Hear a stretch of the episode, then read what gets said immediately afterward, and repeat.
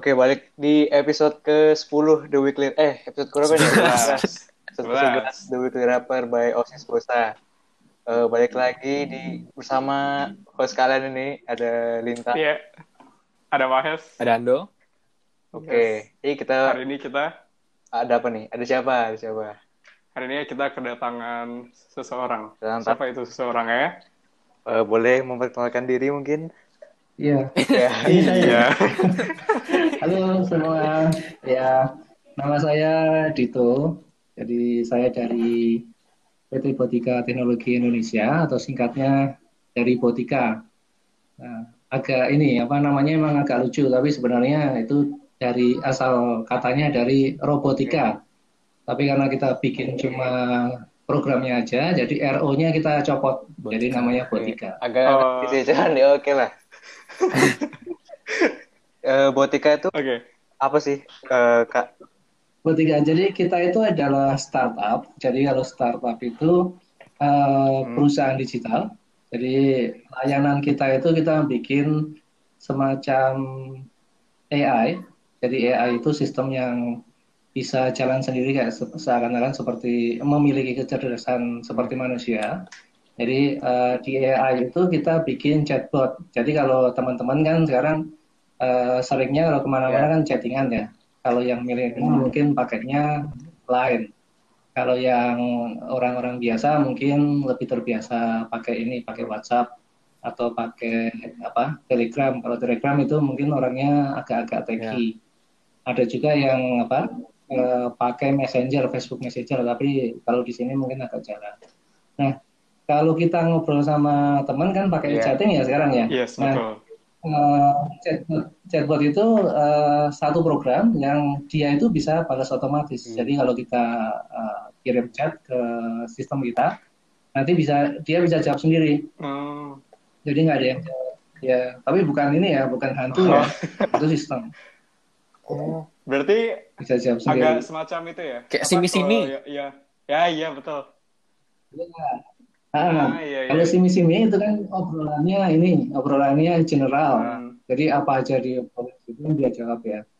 Kalau chatbotnya ini itu uh, biasanya kita bikin untuk melayani sesuatu, katakanlah ada perusahaan ini perusahaan telekomunikasi misalnya uh, dia kan ada yeah. customer service. Yeah. Nah chatbotnya itu biasanya dipakai oh. untuk itu. Oke. Okay. Uh, dia chatbotnya mesti ada kayak keyword gitu nggak kak? Ya, kalau keyword itu sebenarnya sih itu teknologi lama. Jadi chatbot itu sebenarnya udah ada sejak zaman dulu. Jadi kalau dulu zaman saya kecil itu zaman dahulu sekali. Udah dari lama ya? Itu orang itu chatting ya. Chatting itu pakai yang namanya uh, eh, MIRC, jadi satu kayak program Windows gitu ada chatting. Oh. Terus ada yang pakai Yahoo Messenger. Terus kalau sekarang kan udah canggih-canggih. Iya. Berarti udah lama ya ya ini? Sejak zaman dulu. Kirain masih baru-baru kalau, sih. Bukan. Kalau startupnya baru. Oh, kalau oh, iya. ya, butikanya baru ya. Yang ini uh, kalau yang tadi itu kan zaman-zaman lama itu uh, chatbot tapi bukan bikinannya Botika. Nah itu uh, sudah ada pakai keyword. Nah kalau yang sekarang tuh ada lagi cara bikinnya. Kalau sekarang pakai yang namanya machine learning itu nanti dia uh, bisa mendeteksi apa yang kita mau uh. tanpa kita harus mengetikkan uh, keyword yang sama persis. Uh. Jadi kelemahannya keyword itu kan kalau kita ngetiknya keyword ada typo gitu kan dia nggak yeah. tahu ya, atau keywordnya salah itu dia nggak bisa jawab. Nah kalau pakai machine learning itu nanti kamu ngetiknya terserah, itu nanti si chatbotnya akan berusaha ngerti kamu tuh uh, ini apa, pengennya apa. Hmm. Nah itu letak AI di situ. Tapi buat bisa ngertiin gitu kayak tetap ada batasannya om. Kayak misalnya ada, ada batas ada uh, tetap dalam lingkup ini baru dia bisa ngerti atau emang luas banget jangkauannya. Ya. Ah, betul. Jadi kalau di AI itu ada dua tipe AI. Yang pertama itu uh, eh, AI yang uh, lingkupnya kecil. Istilahnya itu shallow AI. Jadi AI yang dangkal. Hmm. Terus yang hmm. kedua yang diciptakan seluruh orang di di di dunia itu adalah general AI. Jadi yang seperti kita lihat di film-film itu yang futuristik, oh. kalau kita ngomong sama oh. apa sama robot, nah dia jawab. Nah itu general AI. Nah itu masih masih lama masih susah. Nah yang shallow AI yang spesifik tadi memang kalau dia nggak bisa jawab dia akan ini akan apa uh, mengeluarkan respon yang standar yang misalnya kira-kira, mohon maaf saya nggak tahu kira-kira ini ya kira-kira masih berhubungan gitu ya Iya betul. Biasanya terus diarahkan lagi ke topik pembicaraan. Oh, oke. Okay. Berarti bisa dibilang kalau misalnya mau ngob ngobrol pakai suara gitu harus yang baku juga ya bahasanya. Oh enggak. Kalau ya, itu bedanya. Apa? Bedanya sama keyword sama yang nih. Jadi kalau di machine learning kita itu eh, langkah pertama itu mengumpulkan data. Jadi contoh-contoh percakapan misalnya Eh, ucapan selamat pagi misalnya itu eh, variasinya kayak, kayak apa sih? Nah, nanti dimasukkan ke sistem. Terus misalnya selamat malam kayak apa, terus tanya misalnya kabarmu gimana, udah makan belum atau lain sebagainya dimasukkan ke sistem. Nanti eh, sistemnya dites. Kalau orang ngetik dengan cara yang beda, sama sekali beda yang yang tadinya nggak ada di data yang dimasukkan ke sistem tadi, ah. si sistemnya ini bisa tahu nggak dia itu maksudnya apa. Oh. Kalau misalnya Gitu. Jadi gitu ada semacam prediksinya. kata yang YG gitu. Ah, YG terus kalau sekarang kan orang kalau buka pembicaraan kan, kan pakai huruf P ya. Oh iya. P P P P P P. Iya. P itu kalau orang yang udah tua-tua nggak tahu tuh maksudnya. P. Berarti itu buat bikin AI kayak gitu susah nggak sih om? Bikin apa? Bikin AI kayak gitu? Eh, gampang-gampang susah. Hmm. Tapi nggak apa-apa, gampangnya dua kali kan, susahnya sekali. Gimana tuh maksudnya? Jadi gampang-gampang susah itu eh, kar- eh, gampangnya karena semua yang diperlukan untuk bikin itu sudah ada. Jadi kita tinggal eh, apa rajin-rajin cari di internet, lihat caranya bikin gimana, terus nanti dirajin keluar AI. Kalau Ya, karena ya, ya karena materinya banyak ya itu belajarnya harus harus banyak. Oh, kalau misalnya ngembangin AI gini butuh, butuh modal yang gede apa gimana? eh gimana ya? Gimana? Eh, Jadi eh, sebenarnya bisa dibilang iya, bisa dibilang enggak. Jadi kalau dibilang iya karena eh, kita harus eh, invest ya dalam artian kita harus belajar banyak. Hmm. Terus untuk eh, melatih sistemnya itu kan kita butuh komputer yang speknya tinggi. Oh, Jadi kalau yang speknya tinggi itu biasanya yang GP GPU-nya tinggi. Biasanya kalau kita kan beli komputer GPU-nya tinggi kan biasanya untuk main game. Ya, Hmm. betul. Iya. Grafiknya bagus, resolusinya tinggi kan Betul, bisa betul. 60 fps. Ya. Kalau di machine learning di ini AI eh, GPU tinggi itu di- eh, dimanfaatkan untuk mentraining sistem karena kecepatannya dia dibandingkan CPU itu lebih lebih cepat, bisa berkali-kali lipat. Nah, itu mahal. Eh, beli komputer yang seperti itu mahal. Terus eh, yang pertama tadi banyak belajar, yang kedua eh, untuk mentraining itu butuh komputer yang mahal, terus ya itu eh, waktu nggak lama karena eh, banyak sekali yang dibutuhkan. Sama biasanya harus harus ini harus belajar eh, matematika. Hah? Jadi ada banyak formula matematika di sana. Kok ada matematikanya? Itu hitungan gitu? Ah, sebenarnya kita nggak ngitung-ngitungan sih, maksudnya eh, formulanya kan udah ada, misalnya cara menghitung ini seperti apa itu kan udah ada. Cuma cara makainya kan kita paling nggak harus tahu cara eh, dia itu formula untuk apa. Iya sih, waktu itu eh, pelajaran matematika, guru matematika bilang, iya nih, ini bisa dipakai untuk algoritma untuk di IT gitu. Aku juga agak ragu sih awalnya.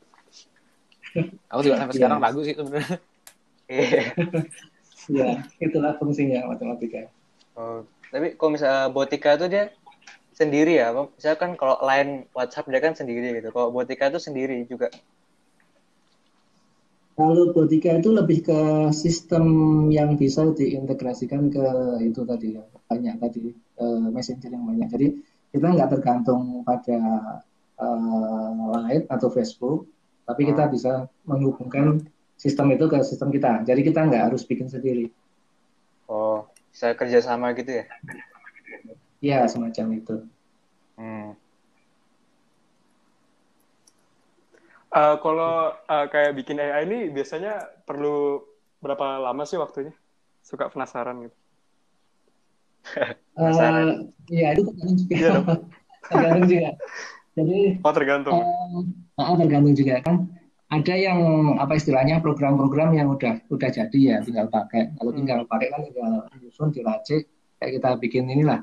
Kita bikin apa istilahnya?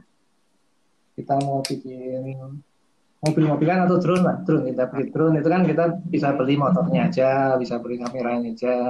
Terus nanti dirangkai terus jadi. Nah yang kayak gitu itu prosesnya lumayan cepat. Cuma yang lama itu kalau misalnya katakanlah kita pengen uh, bikin drone yang dia bisa terbang sambil nyelam di air.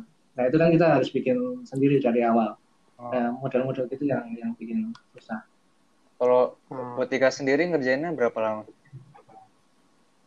kita dari 2017 jadi 2017 itu uh, kita bikin sistem itu kira-kira ya kira-kira ya sekitar enam bulan ya ah. enam ah. bulanan terus kita rilis kalau di startup itu kalau kita bikin program itu nggak sepenuhnya harus jadi total baru dirilis tapi biasanya kita rilisnya secara bertahap jadi yang apa yang program intinya dulu nanti dirilis terus nanti tambah tambahin seperti itu oh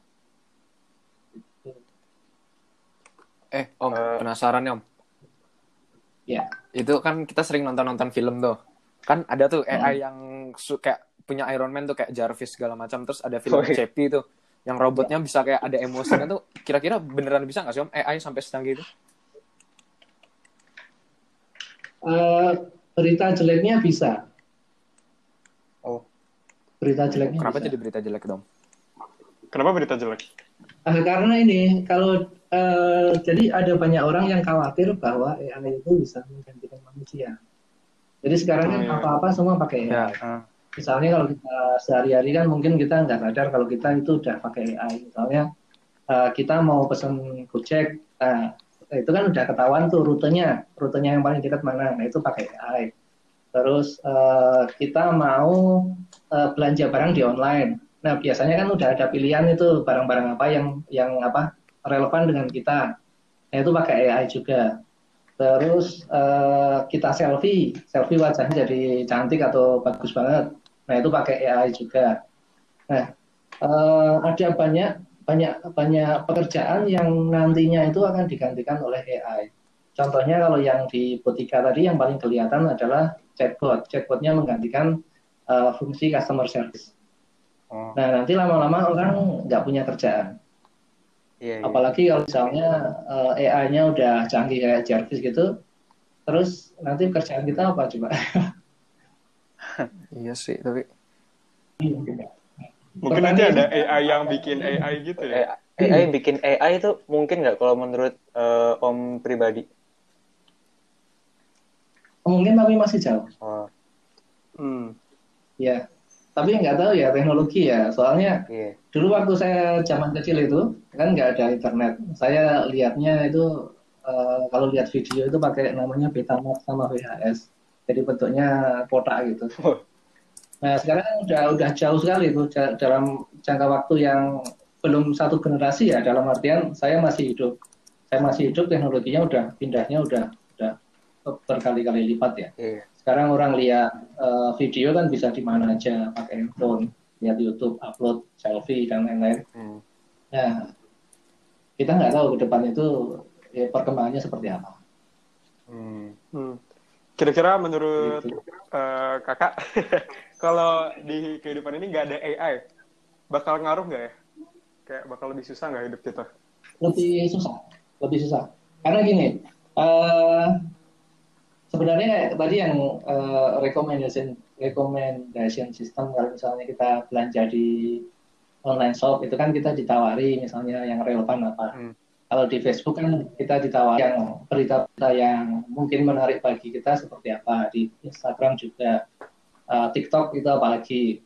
Nah, kalau misalnya nggak ada AI, itu uh, rekomendasi yang diberikan itu Eh, nggak relevan sama kita nggak nggak ada rekomendasi yang bisa diberikan sama kita bisa, kita kan kalau sehari-hari kan serba susah misalnya gini uh, ada nggak yang yang sering misalnya tiap siang gitu tanya ke temannya atau tanya ke pacarnya nanti makan apa gitu Ah, terus kamu mau makan apa nggak tahu gitu kan ah, kalau pakai AI kan eh, bisa direkomendasikan Nah, itu misalnya di kasus lain kayak misalnya kita punya Google. Google itu kan eh, kita bisa cari informasi apa aja di situ. iya. Kalau nggak ada Google, kita mau cari sesuatu susah, harus satu-satu. Iya, mesti ke perpustakaan. Ya, juga Iya. kalau kita mau ke suatu tempat, Tapi capek. ya Tadi tadi sempat nyebutin eh, apa kamera yang beauty itu itu termasuk AI juga ya? Ya, cara kerjanya kan dia mendeteksi wajah, terus mendeteksi letak mata, mana apa kulit wajah, yang mana yang mana hidung. Oh. Terus nanti kan dia bisa ada slidernya digeser-geser kan, misalnya hidungnya dimancungin kan bisa. Nah itu kan mendeteksinya itu kan harus pakai AI karena nggak bisa di apa diprogram. Misalnya hidung itu selalu di sini misalnya kan hidungnya hidung orang kan macam-macam Iya. ada yang mancung, ada yang kurang, ada yang besar, ada yang kecil. Hmm. Nah, seperti itu. Ngomong-ngomong rekomendasi tadi, aku pernah sih waktu itu eh, di online shop itu aku lagi nyari-nyari eh, stick untuk game gitu kan. Aku balik ke Instagram kan Instagram suka ada iklannya gitu tuh. Nah, Itu eh, tiba-tiba ada muncul iklan rekomendasi eh, stick game juga gitu. Iya. Iya. Nah, itu satu isu juga di apa di dunia. Jadi eh, dengan majunya teknologi itu sebenarnya privasi kita itu udah enggak. Jadi apa yang kita lakukan di internet, misalnya kita browsing apa, kalau kita masih login ke apa ke atau kan kalau kita pakai otomatis login tuh ke Google account, nah itu Iya. ketahuan semua, jadi historinya ketahuan. Nah Facebook itu lebih ekstrim lagi. Kalau kamu install aplikasi Facebook, Ah. kamu ngomong sesuatu di dekatnya, itu nanti pembicaraanmu ke detek. Wah, Ya, coba kapan-kapan ini deh apa eh, Oh. ada aplikasi Facebook ya diinstal tuh, terus kamu ngomong tentang produk yang apa yang aneh misalnya makanan kucing gitu. Oh iya, aku pernah itu denger. Aku pernah pernah pernah ah, bener. Oh iya iya, aku juga pernah denger. Serem, serem banget sih itu. Biasa suka muncul iya, iklan. serem. Berarti kan Iya. ibaratnya kayak didengerin terus kita ngomong. Iya, seperti itu.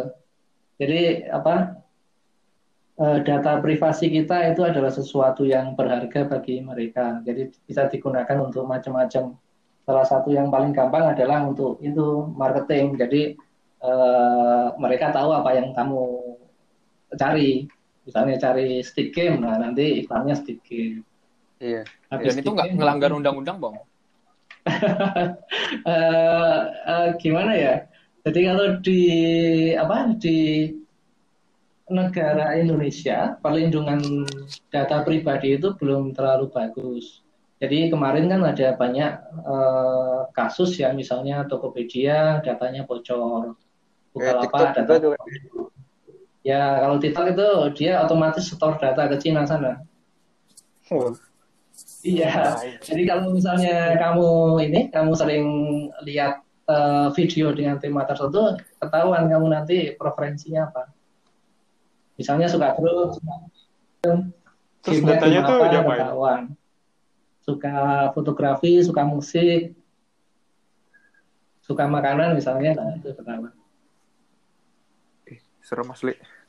Iya. emang emang harusnya kalau kayak gini eh, berkembangnya teknologi untuk apa nerapin hukumnya juga agak susah ya. Iya, kejar-kejaran sih. Ya, Tapi ngomong-ngomong, ya tentang ngomong-ngomong tentang regulasi, eh, nggak pernah lihat itu term of services kalau kita daftar ke website, misalnya Iya. Facebook lah, kita itu kan ada term of ser- service. Eh. Nah itu kan nggak pernah kita baca. Ya, betul.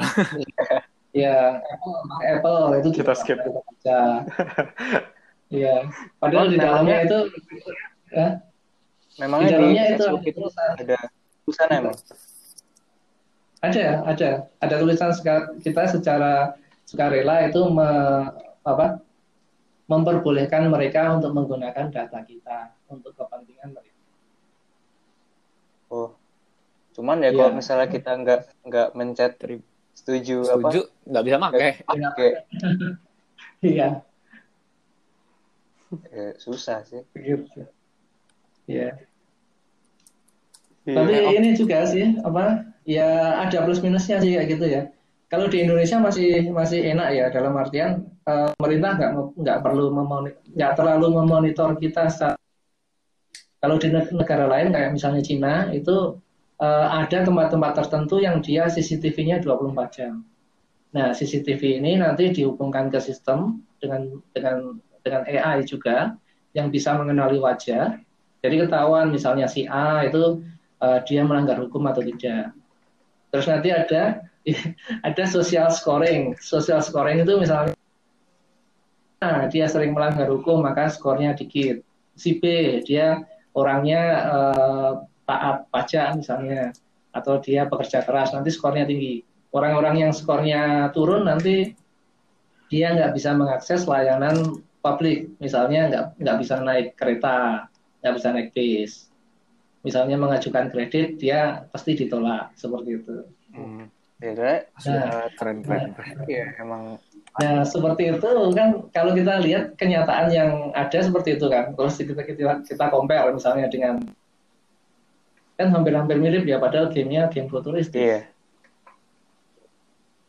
Eh, ini kemarin aku lihat ini om ada speaker AI buatan Indonesia juga tuh juga Kak Dito yang bikin deh. Ya, namanya Widya Wicara, kita yang bikin. Jadi sebenarnya bukan Botika yang bikin, tapi uh, company. Jadi uh, Botika punya uh, semacam kepemilikan di salah satu perusahaan. Perusahaan itu uh, merilis smart speaker, Hmm. di mana teknologi pengenalan, eh teknologi ini uh, chatbotnya sama teknologi suaranya yang untuk balas itu uh, berasal dari Botika. Jadi kalau di speaker itu kan dia bisa jawab ini ya pakai suara ya. Eh, Nah itu teknologinya namanya text to speech oh, dari teks ke suara. jadi dia Ya. eh, di input dulu ya kata. Eh, di input dulu ya kata algoritma. Ya ini ke, ah, ah. diketik dulu terus nanti di generate suaranya seperti ini. Ini kedengeran nggak ya? Coba Nah, tesnya nih. Halo, dengan ini Oh, Ini dari Botika. Senang berbicara denganmu. Keren keren. Kedengeran nggak? Suaranya Wah. suaranya dari Wah. dari lab Indonesia. Iya. Iya. Ini suara karakter. Yang ini beda lagi suara karakter. Oh, itu ini suaranya direkam dari suara orang asli. Ini dari Botika. Senang berbicara denganmu. Ya, yang pertama memang awalnya direkam dari orang, terus nanti dimasukkan ke sistem, terus kita eh, setelah itu bisa bisa suka-suka kita mengetikkan kata yang tidak tidak ada pengucapannya di rekaman tadi. Jadi ya, dia mau ngomong apa aja terserah kita, tinggal Berarti ngetik. misalkan orang yang ngerekam suara ini dia belum ada kosakata tembok gitu. Berarti tapi dia bisa ngomong tembok speakernya. Hmm, Oh, bisa. keren, keren. Ya, Wow. Itu ini juga apa? eh, salah satu apa? Apa ya? Salah satu hal yang bisa me- menggeser beberapa profesi yang terkait dengan dengan apa? Dengan suara, misalnya pembaca berita, atau misalnya eh, pembaca audio audiobook. Nah, itu kan eh, bisa geser semua nanti. Hmm. Eh, tapi yang ngerjain speaker ini sama timnya sama yang Botika chatbot. Iya, sis- eh, tim intinya sama. Oh, Engine-nya juga sama. totalnya ada berapa orang timnya? Kalau di ini, kalau di Botika itu sekitar ada 50-an orang. Kalau di Widya itu eh, ada sekitar 70-an. Jadi lebih banyak Widya. Oh. Oh, Widya ini dia eh, engine-nya engine sendiri ya? Ya, dari Botika. Oh, engine Botika. Ya, itu, itu tadi untuk chatbotnya sama engine untuk ngeluarin suaranya. Jadi digabung, jadilah smart speaker. Oh.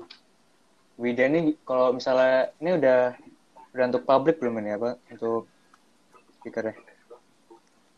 Udah, udah. Kita rilis untuk publik, terus bisa di-order di toko online, sama di mall. Kalau di mall itu di Jakarta. Oh, di Jakarta.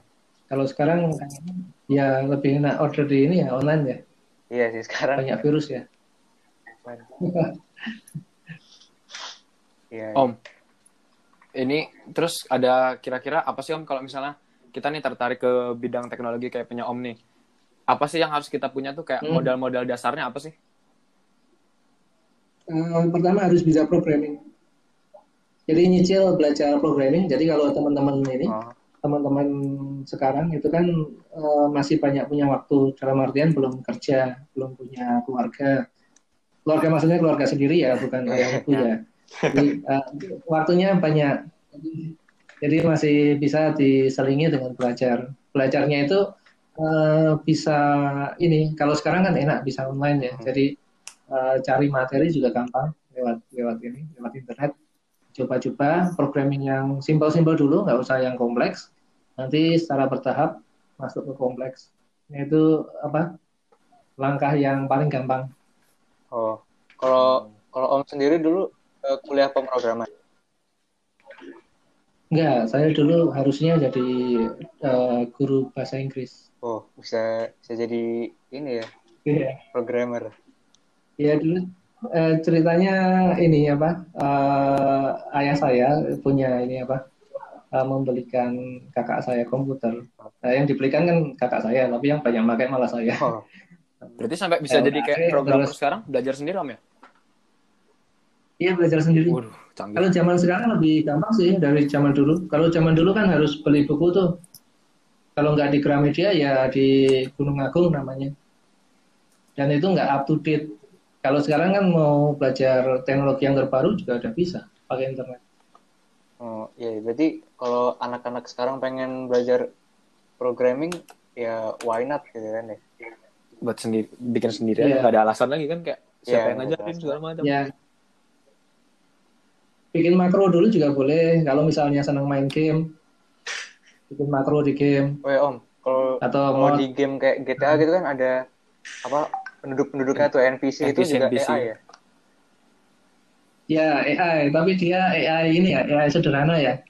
Dalam artian dia di program fix untuk itu, misalnya dia jalan dari sini ke sana, terus habis itu balik lagi. Itu kan? Iya, betul. Iya. Ketebak. Misalnya dia apa? Eh, Ditabrak mobil, dia juga nggak nggak aneh-aneh, dia cuma berdiri terus jalan lagi. Iya. Ya. Oke, eh, Nah itu KPI juga sebenarnya bisa untuk ini loh, untuk jadi latihan programming, karena dia kan ada mod ya. Oh, oh ya mod. Heeh. tapi kan nggak boleh kita ngemod game Om. Masa kita ngemod game orang? Iseng-iseng aja sih, nggak kan nggak untuk nggak untuk komersial, untuk belajar. Ya, ya, ya. Ya, mungkin eh, cukup ya untuk hari ini ya kita. Udah dapat ilmu nih, mantap sekali. Ya, eh, Ya, eh, Kak Dito ada pesan nggak untuk untuk kan kok kok sekarang kita nih eh, apa ya Gen Z ya bukan milenial ya. Ya, generasi Z. Mm. Ya kalau untuk Gen Z apa ada pesan nggak? Orang terbaru ya. ya, kalau Gen Z itu ini apa? Karena memang ini ya udah gener- generasi baru juga sudah bersentuhan dengan teknologi dari awal dari kecil. Hmm. Jadi mungkin kalau ke depan itu mungkin eh, akan lebih mudah kalau misalnya kita pilih karir yang juga bersentuhan dengan teknologi. Eh, nggak harus programmer sih, tapi eh, kita bisa lihat-lihat profesi sekarang kan ada yang baru-baru misalnya kalau perusahaan teknologi startup itu kan ada yang namanya misalnya eh, user experience designer. Eh, kalau dulu kan cuma ada graphic designer, sekarang ada baru nama UX designer, ada UI designer, Hmm. terus ada nanti eh, macam-macam yang berkaitan dengan digital. Nah, mungkin dicicil aja eh, belajar tentang itu karena eh, kecepatan eh, teknologi itu kalau dibandingkan dengan kecepatan update materi kurikulum di sekolah itu tidak seimbang. Oh, Jadi teknologinya udah jauh, kurikulumnya dia ngejarnya nggak nggak secepat kemajuannya teknologi. Jadi harus belajar sendiri. Iya kayak sekarang ini sih. Iya. Ya.